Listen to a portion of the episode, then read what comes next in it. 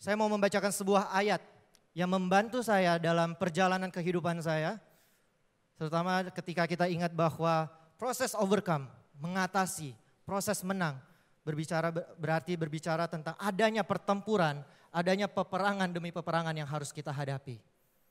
Dan mari kita baca di 1 Petrus pasal 2 ayat 9. Petrus mengucapkan ini untuk orang-orang yang terpilih, orang-orang yang dikasihi Tuhan. Tetapi kamulah, coba lihat kiri kanannya, katakan kamu. Iya kamu. Tetapi kamulah bangsa yang terpilih. Yang berarti bahwa segala sesuatu yang terjadi di dalam kehidupan kita sudah direncanakan oleh Tuhan. Sudah disengajai oleh Tuhan Nggak ada satu hal pun terjadi begitu saja tanpa seizin Tuhan. Bangsa yang terpilih. Makanya ketika kita bicara tentang overcome, Pastor Raymond mengingatkan kita bahwa God test us in order to bring the best in us. Tuhan menguji kita. Tuhan mengizinkan berbagai hal terjadi di dalam kehidupan kita. Untuk mengeluarkan hal yang terbaik di dalam kehidupan kita. Bukan untuk menghukum kita, tapi untuk membiarkan kita bisa bertumbuh. Imamat yang rajani, imamat berarti kita punya all access, kita punya akses kapan pun kita mau berhubungan dengan Tuhan. Doa kapan pun, di mana pun, Tuhan selalu dengar. Imamat, status sebagai seorang imam. Yang rajani berarti kita adalah bagian dari kerajaan Tuhan. Kita punya status sebagai anak-anak raja Bangsa yang kudus. Kudus berarti khusus, berarti spesial. Meskipun dunia ini mungkin berkata kepada kita, kamu gak spesial. Banyak orang yang kayak kamu. Tapi Tuhan berkata, kamu spesial. Kamu kudus. Dan saya ingat, seperti kata Pastor Zeva, kita itu berbeda daripada orang lain. Karena kita bertarung bukan untuk kemenangan, tapi kita bertarung dari kemenangan. We are fighting from victory, not for victory. Umat kepunyaan Allah sendiri. Dalam bahasa aslinya dikatakan bahwa harta karun yang ditebus. Tahukah kita bahwa kita ini saking berharganya, Tuhan bayar harga yang mahal untuk mendapatkan kita kembali. Itu sebabnya Pastor Bobby juga mengingatkan kita bahwa untuk kita bisa menang, kita harus ingat siapa kita dan kepunyaan siapa kita, who we are and whose we are. Ini mengenai identitas kita sebagai orang-orang yang terpilih. Itulah saudara dan saya. Tapi kemudian bukan cuma identitas sebagai umat yang terpilih saja. Ayat ini berkata lebih lanjut bahwa ada misi bagi setiap kita, umat-umat pilihan. Supaya kamu memberitakan perbuatan-perbuatan yang besar dari dia perbuatan-perbuatan yang besar berbicara tentang kebaikan-kebaikan Tuhan, kebajikan-kebajikan Tuhan, hal-hal yang luar biasa yang sudah Tuhan perbuat di dalam kehidupan Anda dan saya. Perbuatan-perbuatan besar dari Dia yang telah memanggil kamu keluar dari kegelapan, dari dosa, dari kebodohan kita, dari ketidaktahuan kita. Dan kemudian melalui kuasa Injil kita dimenangkan, kita dipanggil dari kegelapan kepada terangnya yang ajaib. Dan sekarang kita hidup di dalam kebenaran, di dalam kemurnian, dan di dalam damai sejahtera yang berasal daripada Tuhan sendiri. Dan yang bersyukur katakan, amin. Dan saat ini saya mau mengucapkan judul saya pada hari ini. Tadi sudah disebut oleh Pak Henry, tapi saya mau kita sama-sama baca judul ini bersama-sama. Tolong ditampilkan. Satu, dua, tiga. Chosen but confused. Chosen but confused. Dipilih tapi bingung. Karena ketika saya baca ayat yang pertama tadi, saya senang saya dipilih. Wow, segala kuasa, segala kemuliaan, wah, status saya anak Tuhan, anak raja. Saya bersemangat. Sampai akhirnya saya baca selanjutnya bahwa ada misi. Bahwa ada tugas, ada tanggung jawab. Yang ternyata gak gampang. Hidup ini nggak segampang harapan saya. Yang hari ini, yang hari ini saya lihat bahwa ternyata setelah kita tahu, bahkan setelah kita tahu identitas kita adalah orang-orang yang terpilih, Masih ada pertempuran demi pertempuran yang harus kita menangkan. Ada sebuah tanggung jawab yang besar menemani dengan identitas kita yang besar pula. Ada seorang ahli bernama Benjamin Franklin Parker. Berkata seperti ini. With great power comes great responsibility. Dari Uncle Ben. Saya research ini cukup lama. Dan saya percaya bahwa kalimat ini meskipun bukan dari Alkitab, ini benar. Kita tahu identitas kita besar, identitas kita luar biasa, tapi iblis tidak senang. Iblis nggak akan kasih tepuk tangan kepada kita untuk, come on, kamu bisa memenangkan pertarungan-pertarungan kamu. No, iblis nggak senang. Itulah sebabnya ketika kita mulai menjalani tanggung jawab demi tanggung jawab, demi tanggung jawab, demi tanggung jawab. Kita tahu kita adalah lebih dari pemenang. Tapi kemudian di tengah-tengah kita menjadi kebingungan. Ketika saya SMP dulu, saya punya hobi main game. Dan dulu ada konsol legendaris namanya PlayStation 1. PS1. Uh. Yang mengerti katakan amin. Yang dipilih Tuhan katakan amin. Oke. Okay. Dan salah satu game favorit saya, uh, genre-nya petualangan, RPG, role playing game. Ada namanya Final Fantasy 7. Weh, dan yang akan dibikin remake-nya dan lebih keren saatnya beli PS4. Oh bukan itu. Dan di situ kita bermain sebagai seorang tokoh utama yang namanya Cloud Strife. Mulai kebingungan, nggak apa-apa, saya nggak akan cerita ini lebih lanjut. Tapi tapi ceritanya adalah ketika kita bermain sebagai Cloud Strife, seorang prajurit, kita memulai dengan tahu bahwa kita memilih dia. Dia adalah tokoh yang terpilih. Dan tujuan utama dari game ini adalah overcome sangat alkitabiah. Dia terpilih untuk overcome, untuk mengalahkan musuh. Dia mengumpulkan senjata, dia mengumpul, kita mengumpulkan uh, experience untuk level up. Tujuan utamanya apa? Untuk overcome. Tapi buat teman-teman yang pernah main Final Fantasy, tahu bahwa ketika kita naik level dari level 1 ke level 2, kemudian level 5, level 10, pertandingannya nggak semakin gampang. Saya pikir semakin tinggi level saya, permasalahan akan semakin mudah. Overcome, yay. Minggu keempat, saya akan menang. No, masalahnya kayaknya semakin berat pula. Dan ironisnya dari game Final Fantasy ini adalah ketika kita udah memenangkan semua pertarungan, ada yang namanya Disc 2. Jadi udah selesai satu pertarungan, udah menghadapi bos satu, bos dua, bos tiga, bos empat, sampai berapa, you name it. Kemudian lanjut ke disc dua. Kemudian terakhirnya ada disc tiga. Dan Final Fantasy ini game paling singkatnya di Final Fantasy tujuh. Tiga disc. Yang lain ada empat disc. Dan sama seperti itu sering kali karena pertarungan ini nggak habis-habis. Kita mulai capek, kita mulai bingung. Tuhan mau sampai kapan? Seperti yang tadi Pak Henry katakan, saya aslinya orang Palembang dan saya bisa di Surabaya karena anugerah Tuhan. Bukan kebetulan karena saya terpilih, chosen, yay. Tapi tahun lalu setelah dua tahun saya melayani di IFJF Surabaya sebagai full timer, saya harus pulang ke Palembang in the past, ini past tense. Tahun lalu saya pulang, untuk uh, untuk mengerjakan misi yang kami sepakati bersama, misi yang uh, kami doakan bersama-sama keluarga. Dan awal-awal saya sangat-sangat optimis. Tahu dong, apalagi pendeta. Oh, chosen, yay, I can do all things through Christ who strengthens me. Apa aja, pede banget. Dan saya seorang planner, saya punya strategi, lakukan ini, lakukan itu. Saya punya visi untuk sampai ini satu tahun, tiga tahun, lima tahun. Bahkan kalau ada yang tanya, lima tahun kamu mau jadi apa? Saya bisa jawab 20 tahun lagi saya mau jadi apa. Weh, itu tahun lalu. sampai artinya, sampai akhirnya, reality hits. Sampai akhirnya saya melihat bahwa kok pertempuran-pertempuran yang saya hadapi nggak habis-habis. Jadi saya pulang ke Palembang untuk untuk membantu orang tua saya untuk menyelesaikan misi dari mereka. RK1, rencana keluarga nomor satu. Dan untuk sampai kepada rencana ini kami berpuasa, kami doakan, kami kami gumulkan bersama-sama, nangis bersama satu keluarga, so sweet gitu. Kami strong bersama-sama, kami kami uh, tanya banyak orang, tanya orang-orang yang kami percaya, kami ceritai, kami tanya Tuhan, kami tanya Tuhan, kami tanya Tuhan.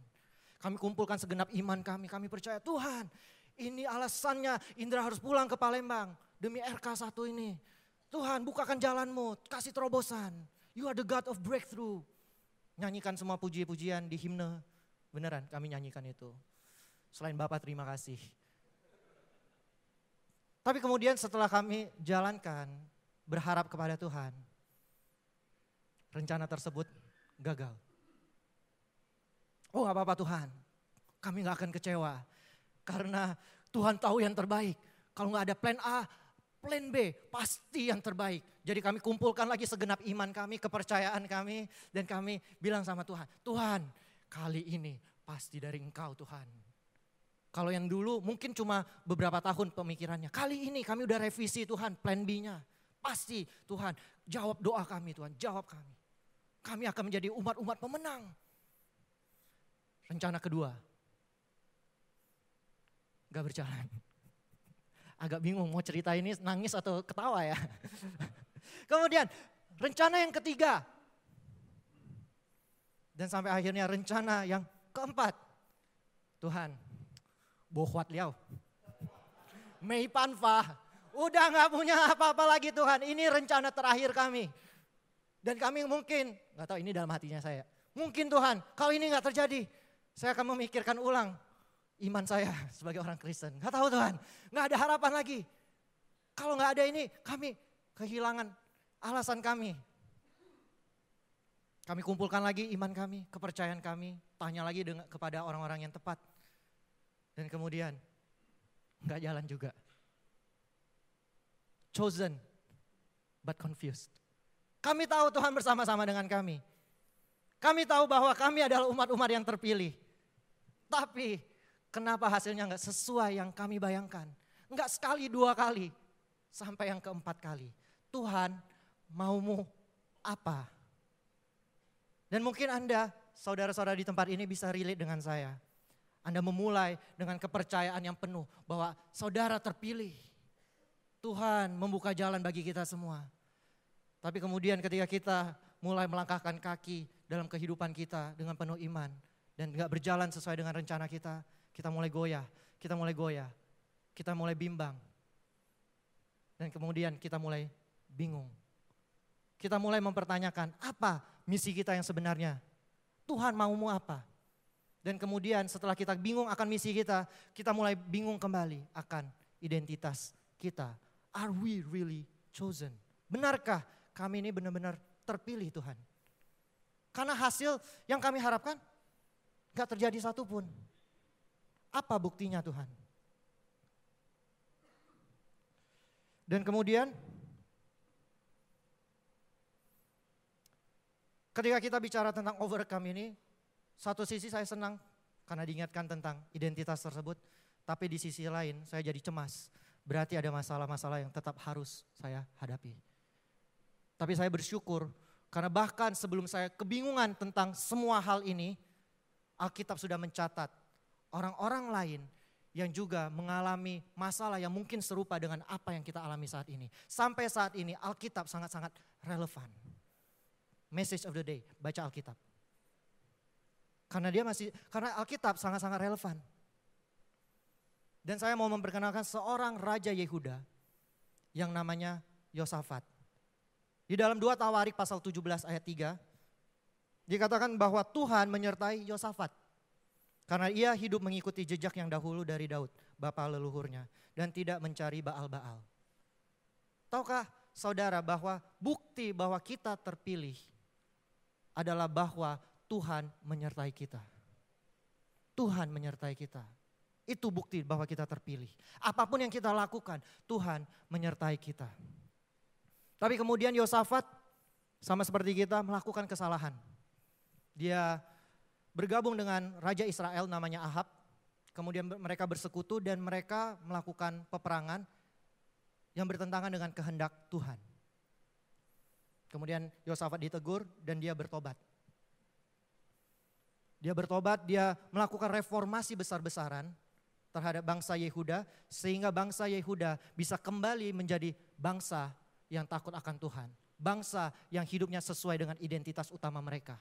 Dan itu di 2 Tawarik pasal 19.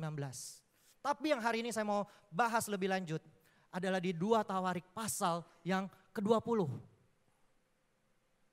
Di saat Yosafat sudah melakukan apa yang dia rasa benar untuk kembali bertobat, untuk melakukan reformasi religius itu, apa yang menjadi hasil dari reformasi tersebut? 2 Tawarik 20 ayat 1. Setelah itu, Bani Moab dan Bani Amon datang berperang melawan Yosafat bersama-sama pasukan orang Meunim. Ayat yang kedua. Datanglah orang memberitahukan Yosafat, suatu laskar yang besar datang dari seberang laut asin dari Edom menyerang tuanku. Sekarang mereka di Hazezon Tamar, yakni En Gedi. Dan ketika saya baca ini, saya semakin bingung. Oh, inikah cara Tuhan membalas seorang sebuah ketaatan? Baru saja dia bertobat dan Tuhan mengizinkan tiga suku menyerang Yosafat. Kalau satu lawan satu nggak masalah, gentleman, lawan. Nggak masalah. Dua, oke okay, agak kalah tapi ya bolehlah Tuhan. Tapi ini tiga dengan jumlah yang besar. Kita lakukan bagian kita, tahu-tahu masalah muncul, datang nggak pakai izin. Tiba-tiba muncul begitu saja. Tiga, tanpa tanpa kita pilih, Bukan karena konsekuensi kita. Kita nggak minta Tuhan, Tuhan perbesar kapasitas. Enggak, enggak, enggak, enggak, enggak kuat Tuhan. Tapi Tuhan izinkan, begitu saja. Kemudian di ayat yang ketiga kita lihat respon dari Yosafat. Respon yang sangat-sangat natural. Dikatakan bahwa Yosafat menjadi takut. Sebagai umat pilihan Tuhan, dia menjadi takut. Bisa dilihat bahwa kisah Yosafat relevan dengan kita.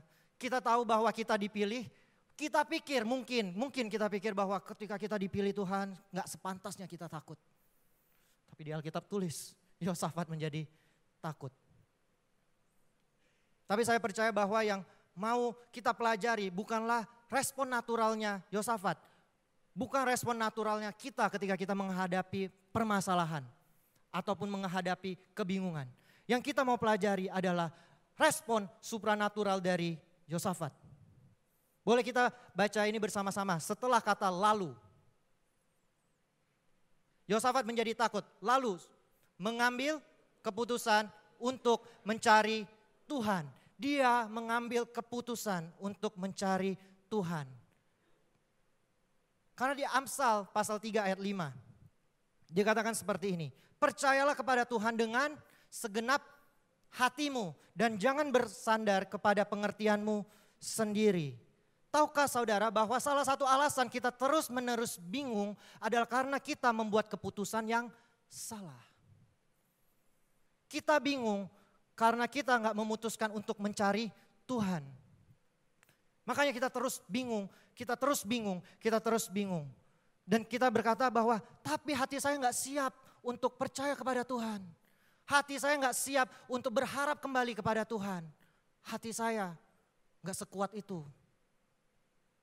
Tapi di Alkitab dikatakan bahwa percaya kepada Tuhan dengan segenap hatimu. Jangan bersandar pada pengertianmu sendiri. Dengan kata lain, untuk menjadi percaya adalah sebuah pilihan. Menjadi percaya adalah sebuah keputusan yang harus kita ambil. Trust is always a choice. Kita nggak akan pernah bisa menunggu sampai kita siap untuk percaya kepada Tuhan. Tuhan, kalau masalah ini saya selesai, saya akan datang ke gereja. Kalau masalah ini selesai, baru saya datang I care. Kalau masalah ini selesai Tuhan, baru saya akan lebih rajin lagi, lakukan ini dan lakukan itu. No. Kita harus memutuskan saat ini untuk tetap percaya kepada Tuhan. Kemudian Yosafat menyerukan kepada seluruh Yehuda supaya berpuasa. Di zaman itu konteksnya ketika seorang raja menyerukan kepada bangsanya, saatnya kita puasa, sebenarnya dia sedang mengumbar aibnya sendiri. Dia berkata kepada jemaatnya, kepada umatnya, dia bilang, guys kita dalam kondisi bahaya. Dan saya nggak punya strategi apa pun, nggak punya solusi apa pun. Seorang raja bilang di hadapan bangsanya bahwa dia nggak punya strategi apa pun. Itu bikin malu.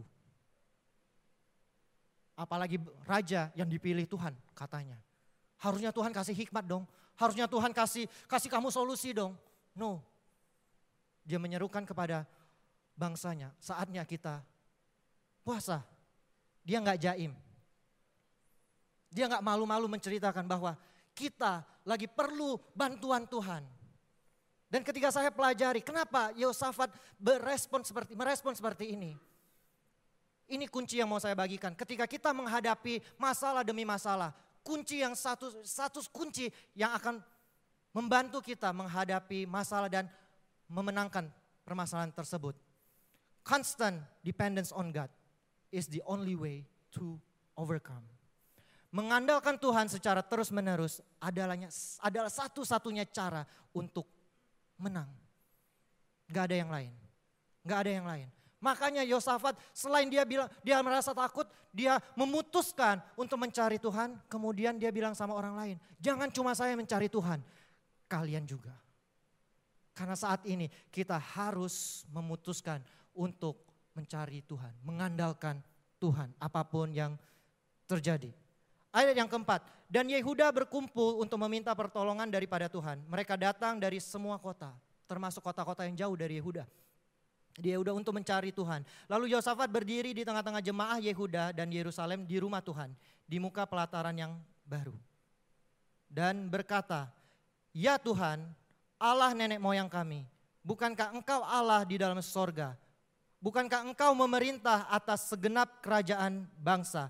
Kuasa dan keperkasaan ada di dalam tanganmu. Sehingga tidak ada orang yang dapat bertahan melawan engkau. Setelah yang pertama kita harus putuskan untuk mencari Tuhan. Keputusan kedua yang harus kita ambil adalah untuk percaya kepada siapa Tuhan. Resolve to believe in who God is. Di sini dikatakan bahwa ketika Yosafat memulai doanya dia, dia nggak bilang tentang ini dan itu, tapi dia langsung menceritakan tentang karakter Tuhan yang dia percayai. Dan mungkinkah ini langkah iman yang harusnya kita ambil juga. Ketika kita tahu banyak kebingungan yang terjadi di dalam kehidupan kita, banyak masalah yang terjadi di dalam kehidupan kita, kita harus tetap ingat bahwa Tuhan gak pernah berubah. Meskipun permasalahan semakin banyak, ada masalah ini, ada masalah itu, semakin banyak teknologi-teknologi aneh, misalnya TikTok, uh, atau virus yang semakin keren, semakin tangguh bisa nyerang sana nyerang sini. Semakin banyak dan bikin kita takut, semakin takut, semakin bingung. Semakin kita baca berita semakin kita bingung, semakin kita bingung. Tapi ada satu hal yang harus kita putuskan untuk selalu ingat dan percayai yaitu karakter Tuhan kita. Seolah-olah Yosafat mau berkata seperti ini. Gak peduli apa pun yang terjadi, masalah yang kuhadapi, apa pun itu. Tapi engkau tetap di dalam kerajaan sorga Tuhan. Engkau tetap memerintah atas segenap kerajaan bangsa. Kuasa dan keperkasaan masih ada di tanganmu Tuhan. Seringkali ketika kita melihat permasalahan yang begitu banyak terjadi dalam kehidupan kita, kita menjadi lupa siapa Tuhan kita. Masalah A dan kemudian berubah. Kita makin ikutin dan berubah dan berubah dan berubah. Semakin sering pula kita bingung. Tapi Tuhan nggak pernah berubah. Jadi sebelum kita melihat hal-hal yang lain, resolve to believe in who God is. Kemudian dia meneruskan doanya dengan kisah mengenai kebaikan Tuhan. Ayat yang ketujuh. Bukankah engkau Allah kami yang menghalau penduduk tanah ini dari depan umatmu Israel dan memberikannya kepada keturunan Abraham, sahabatmu itu untuk selama-lamanya. Bahkan dia menceritakan bukan kebaikan Tuhan untuk dirinya sendiri. Dia menceritakan kebaikan Tuhan tentang nenek moyangnya. Ayat 8, lalu mereka mendiami tanah itu dan mendirikan bagimu tempat kudus untuk namamu. Kata mereka, bila sesuatu malapetaka menimpa kami, yakni pedang, penghukuman, penyakit sampar, virus corona, dan kelaparan, kami akan berdiri di muka rumah ini, di hadapanmu, karena namamu tinggal di dalam rumah ini. Dan kami akan berseru kepadamu di dalam kesesakan kami, sampai engkau mendengar dan menyelamatkan kami. Hal yang ketiga yang harus kita putuskan adalah untuk mengingat kembali perbuatan-perbuatan baik Tuhan di masa yang lalu. Mungkin saat ini kita bingung karena kita nggak tahu masa depan saya seperti apa. Mungkin saudara di sini jauh lebih berpengalaman, oh tentunya jauh lebih berpengalaman daripada saya. Dan saudara bisa berpikir, kamu nggak ngerti apa yang saya harus hadapi. Nggak segampang itu bro. Karena kenyataannya hidup nggak seperti yang kita bayangkan. Tapi justru di momen-momen ketika kita takut menghadapi masa depan kita. Adalah momen-momen yang paling tepat untuk ingat kembali perbuatan-perbuatan ajaib Tuhan di masa yang lalu. Tetapkan hati kita untuk mengingat perbuatan-perbuatannya. Karena kalau Tuhan sanggup melakukan itu di masa yang lalu, kenapa nggak mungkin? Kenapa nggak mungkin Tuhan lakukan itu di masa yang sekarang? Kalau masalah semakin canggih, bukankah Tuhan juga seharusnya yang berkuasa atas langit bumi punya solusi akan hal itu juga? Tapi ketika kita nggak memutuskan hati kita untuk ingat apa prestasinya Tuhan di dalam kehidupan kita. Kita gagal untuk bersyukur, kita gagal untuk berharap, kita gagal keluar dari lingkaran yang namanya kebingungan. Atau mungkin saudara berpikir, kayaknya Tuhan gak pernah berbuat baik kepada saya. Apa sih? Apa sih? Oh gampang, napas.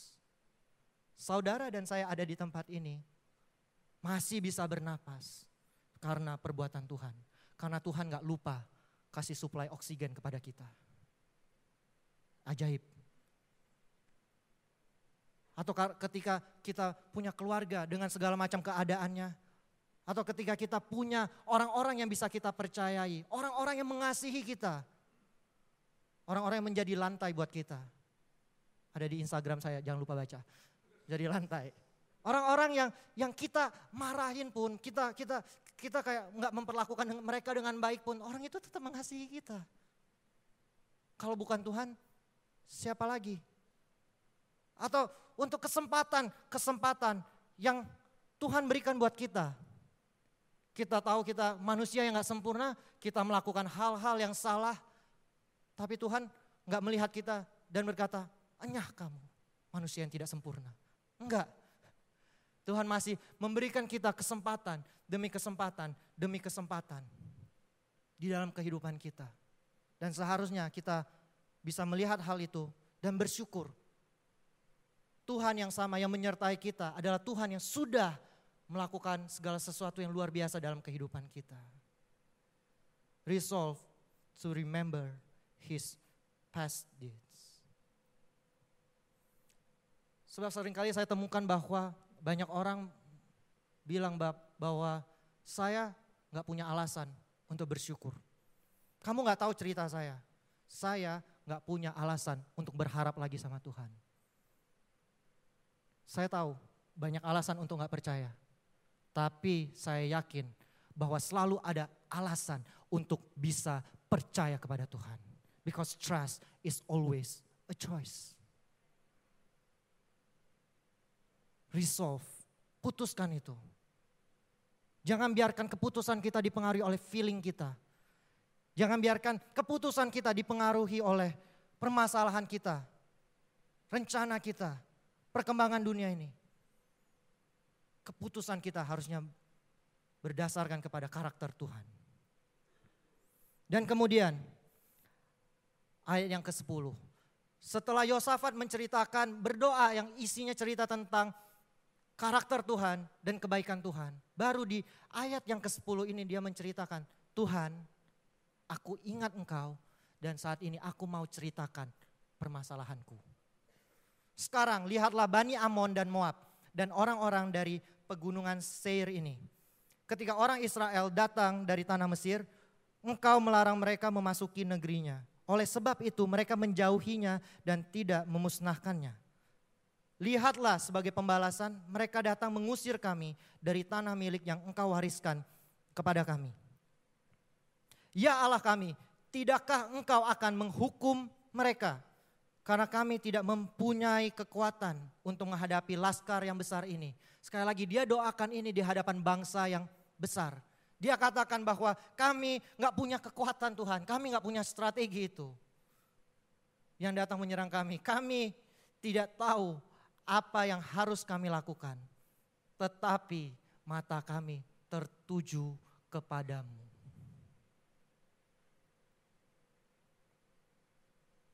Adakah saudara di sini ketika menghadapi masalah yang besar, berulang-ulang kali solusi demi solusi saudara coba tapi kemudian saudara tetap nggak punya jawabannya. Dan kemudian saudara tetap bilang, kami nggak tahu apa pun yang terjadi. Kami nggak mengerti kenapa ini harus terjadi. Tapi mata kami Tuhan tetap tertuju kepada Engkau. Itu adalah keputusan iman yang harusnya kita tetap punyai apa pun yang terjadi di dalam kehidupan kita. Dan saya temukan bahwa it's okay to be confused. Just don't do it without God. Sah saja untuk kita menjadi bingung. Sah saja, normal kita merasakan takut. Tapi jangan pernah takut atau bingung tanpa Tuhan. Hal yang positif dari kebingungan adalah mengingatkan kembali kepada ketidakmampuan kita. Kalau kita nggak pernah bingung, mungkin selama ini kita masih percaya bahwa kemampuan kita sanggup menghadapi masalah kita. Kita menjadi orang-orang yang mengandalkan diri kita sendiri. Tapi kemudian ketika kita tahu bahwa segala macam cara sudah saya coba sampai akhirnya saya bingung. Saat yang tepat untuk ingat kembali mengandalkan Tuhan. Mungkin selama ini saya pegang kunci yang salah. Mungkin kunci yang saya pegang untuk menang selama ini adalah pengalaman saya sendiri adalah harta kekayaan saya, adalah pengetahuan saya, kemampuan saya. Tapi kali ini Tuhan, aku mau ingat bahwa satu-satunya kunci untuk menang adalah dengan mengandalkan Engkau terus menerus. Constant dependence on God. Baik di atas bukit maupun di bawah lembah. Andalkan Tuhan. Ketika kita bingung, mungkin kita jadi skeptis tentang Tuhan. Tuhan, aku nggak bisa percaya lagi. Oke. Okay. Tapi ketika kalau kita mau jujur, kalau kita tanya kembali, apa hasil dari keputusan tersebut untuk nggak percaya sama Tuhan? Keputusan untuk lebih percaya kepada feeling kita, untuk mengikuti kebingungan kita, rasa takut kita. Ketika saya mengalaminya juga, dan saya harus jujur kepada diri saya sendiri. Jawabannya adalah saya semakin terpuruk dalam kebingungan. Ketika saya bingung dan nggak mau tetap nggak mau melibatkan Tuhan, hasilnya adalah saya tetap bingung. Jadi kalau akhirnya saya tetap bingung, kenapa enggak melibatkan Tuhan dalam kebingungan saya? Don't be confused without God. Tuhan menerima kita apa adanya. Jadi bawa kebingungan kita ke hadapan Tuhan. Jangan coba lakukan ini dengan kekuatan kita sendiri. Karena bisa jadi ini adalah wake up call yang baik untuk kembali kepada kekuatan Tuhan. Kemudian ayat yang ke-14. Setelah Yosafat dan seisi bangsanya berdoa menaikkan permintaan mereka kepada Tuhan. Kemudian Yahaziel dihinggapi roh Tuhan di tengah-tengah jemaah. Akhirnya firman Tuhan, strategi yang dinanti-nantikan, uh, akhirnya datang. Camkan ini, hai seluruh Yehuda dan penduduk Yerusalem dan tuanku Raja Yosafat, beginilah firman Tuhan kepadamu. Janganlah kamu takut dan terkejut karena laskar yang besar ini. Yes, benar. Kita percaya bahwa kita nggak boleh takut, kita nggak boleh terkejut. Kemudian dia lanjutkan, sebab bukan kamu yang akan berperang, melainkan Allah. Saya baca ayat ini, saya mendapatkan harapan lagi. Yes, Tuhan yang akan berperang. Yes, Tuhan akan membuat segalanya lancar. Sampai akhirnya saya baca ayat selanjutnya, yaitu ayat 16. Besok haruslah kamu turun menyerang mereka. Tuhan tahu bahwa bangsa ini sangat-sangat besar dan bahwa Yehuda nggak punya kekuatan menghadapi mereka. Kemudian Tuhan bilang, besok haruslah kamu turun menyerang mereka. Strategi yang nggak masuk akal. Karena di pikiran saya mestinya, ya Tuhan apain dulu lah bangsanya. Dari tiga jadi satu. Atau setidak-tidaknya kalau memang jumlahnya nggak bisa diubah, kasih kami rencana keluar dong Tuhan. Tapi strategi dari Tuhan sering kali berbeda dari strateginya kita. Dan Yehuda harus turun menyerang mereka. Mereka akan mendaki pendakian Ziz dan kamu akan mendapati mereka di ujung lembah, di muka padang gurun Yeruel. Jadi justru strategi dari Tuhan adalah kamu tahu musuh itu kamu tahu hal-hal yang bikin kamu takut itu hadapi. Saya nggak ngerti apa yang dipikirkan Tuhan. Ayat 17. Dalam peperangan ini tidak usah kamu bertempur, hai Yehuda dan Yerusalem. Tinggallah berdiri di, di tempatmu dan lihatlah bagaimana Tuhan memberikan kemenangan kepadamu. Janganlah kamu takut dan terkejut. Majulah besok menghadapi mereka. Tuhan akan menyertai kamu awalnya pertama kali saya baca ayat ini tanpa konteks, saya sangat senang. Tinggallah berdiri di tempatmu dan lihatlah bagaimana Tuhan memberikan kemenangan kepadamu. Cuma berdiri dan kita menang. Sampai akhirnya saya menyadari bahwa saya harus berdiri di hadapan masalah saya. Sampai akhirnya saya tahu bahwa saya harus berdiri di hadapan orang yang menyakiti hati saya. Hal-hal yang bikin saya mau lari.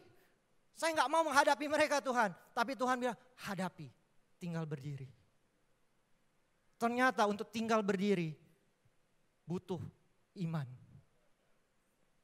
Bukan sekedar berdiri, oke Tuhan, engkau yang bekerja, kami tidur. Besok pagi sediakan bagi kami. Baik. Enggak. Tuhan melakukan bagiannya dan kita ada bagian sendiri yaitu untuk tinggal berdiri di hadapan musuh-musuh kita. Pertanyaan selanjutnya, kenapa kita harus tinggal berdiri di hadapan musuh-musuh yang bikin kita takut ini? Padahal katanya janganlah kamu dan terkejut, takut dan terkejut. Kalau nggak mau saya takut dan terkejut ya saya nggak usah lihat masalah-masalah ini bro. Bro. Tapi Tuhan bilang, lihatlah bagaimana Tuhan memberikan kemenangan kepadamu. Maksudnya adalah supaya kita bisa melihat bagaimana Tuhan memenangkan pertempuran kita. Di hadapan masalah-masalah yang gak mungkin bagi kita untuk kita menangkan. Tuhan yang akan menangkan. Tapi bagian kita harus tetap berdiri untuk bisa menyaksikan pertempuran itu terjadi dan dimenangkan oleh Tuhan. Kalau kita nggak pernah tinggal berdiri, kalau kita lari begitu saja, maka 1 Petrus 2 ayat 9 tadi nggak akan terjadi. Kita nggak akan bisa memberitakan perbuatan-perbuatan Tuhan yang ajaib. Karena kita lari. Jadi ceritanya Tuhan akan berperang. Bagianmu beriman dan saksikan bagaimana kekuatan Tuhan yang bekerja di tengah-tengah kehidupan kita. Bukan lagi kekuatanmu, bukan lagi kemampuanmu, bukan lagi kepintaranmu, tapi kuasa Tuhan. Tapi engkau harus menyaksikannya karena engkau harus menceritakan ini kepada teman-temanmu yang lain. Itulah sebabnya ketika strateginya nggak masuk akal ini, kita harus ingat bahwa satu-satunya cara untuk menang adalah dengan mengandalkan Tuhan. Ayat 18. Lalu berlututlah Yosafat dengan mukanya ke tanah. Setelah dia mendengarkan Tuhan menjawab doa mereka. Kemudian seluruh Yehuda dan penduduk Yerusalem pun sujud di hadapan Tuhan dan menyembah kepadanya. Hal yang terakhir yang harus kita putuskan. resolve to start worshiping. Putuskan, tetapkan hati untuk menyembah Tuhan. Saya undang pemain musik untuk naik ke atas. Kalau saudara lihat tadi, langkah satu sampai tiga, tetapkan hati untuk mencari Tuhan. Tetapkan hati untuk percaya kepada Tuhan. Tetapkan hati untuk mengingat kebaikan Tuhan. It's all about focus. Mengenai fokus kita. Ketika banyak distraction terjadi di tengah-tengah kehidupan kita, fokus kita seharusnya tetap kepada Tuhan. Dalam Filipi pasal 4 ayat 6 sampai 7. Ini hal yang ternyata telah dilakukan oleh Yosafat. Dia berdoa, kemudian dia memohon kepada Tuhan, dan kemudian dia memuji Tuhan. Filipi 4 ayat 6. Janganlah hendaknya kamu khawatir tentang apa pun juga. Tetapi nyatakanlah dalam segala hal keinginanmu kepada Allah. Dalam doa dan permohonan dengan ucapan syukur. Menyembah Tuhan. Ayat yang ketujuh. Damai sejahtera Allah yang melampaui segala akal akan memelihara hati dan pikiranmu dalam Kristus Yesus. Damai Tuhan di saat kita perlukan kedamaian di tengah-tengah kebingungan kita, di tengah-tengah keputusasaan kita. Damai sejahtera itu akan datang melingkupi hati kita. Dan yang kita lihat di Yosafat, dia mulai sujud dan menyembah Tuhan. Bahkan sebelum masalahnya selesai. Kenapa bisa gitu? Pertanyaan yang bagus. Karena saya percaya bahwa ketika Yosafat mencari Tuhan, percaya kepada Tuhan, maka fokusnya mulai berubah. Yang awalnya dia melihat masalah demi masalah, tiga suku bangsa yang besar ini. Dia lihat sebagai distraction, kemudian dia fokus kepada Tuhan. Baru dia bisa melihat bahwa Tuhan rupanya tetap bekerja meskipun kami kehabisan akal. Apa pun yang terjadi, Tuhan tetap bekerja. Dan ketika kita bilang tentang menyembah Tuhan, bukan hanya sekedar kita bawakan mulut kita, bawa, bawa ucapan kita, tapi kita bawa segenap kehidupan kita. Sehingga kita bisa bawa segenap hidup kita untuk mencari Tuhan. Bawa segenap hidup kita untuk kembali percaya kepada siapa Tuhan. Bawa segenap kehidupan kita untuk ingat kembali all the goodness of God yang sudah terjadi di dalam kehidupan kita. Dan kemudian ketika kita menyembah dengan cara yang demikian, bahkan ketika solusi itu belum datang, fokus kita mulai berubah. Kita mulai berhenti untuk khawatir. We quit worrying and start worshiping. Karena fokusnya itu nggak lagi sama diri kita, tapi fokusnya kepada Tuhan. Tuhan yang gak tinggal diam di tengah-tengah kita. Tuhan yang tetap membawa kita dari kemenangan ke kemenangan lainnya. That's worship. Saya undang semuanya untuk bangkit berdiri. Dan setiap apa pun yang saudara mungkin alami, selalu ingat bahwa constant dependence on God is the only way to overcome. Strategi apa pun gak berguna selain berharap kepada Tuhan, mengandalkan Tuhan terus menerus. Karena di tengah-tengah kebingungan kita, Tuhan gak pernah bingung. Di saat ini bahkan ketika kita kehabisan akal, Tuhan masih punya solusinya.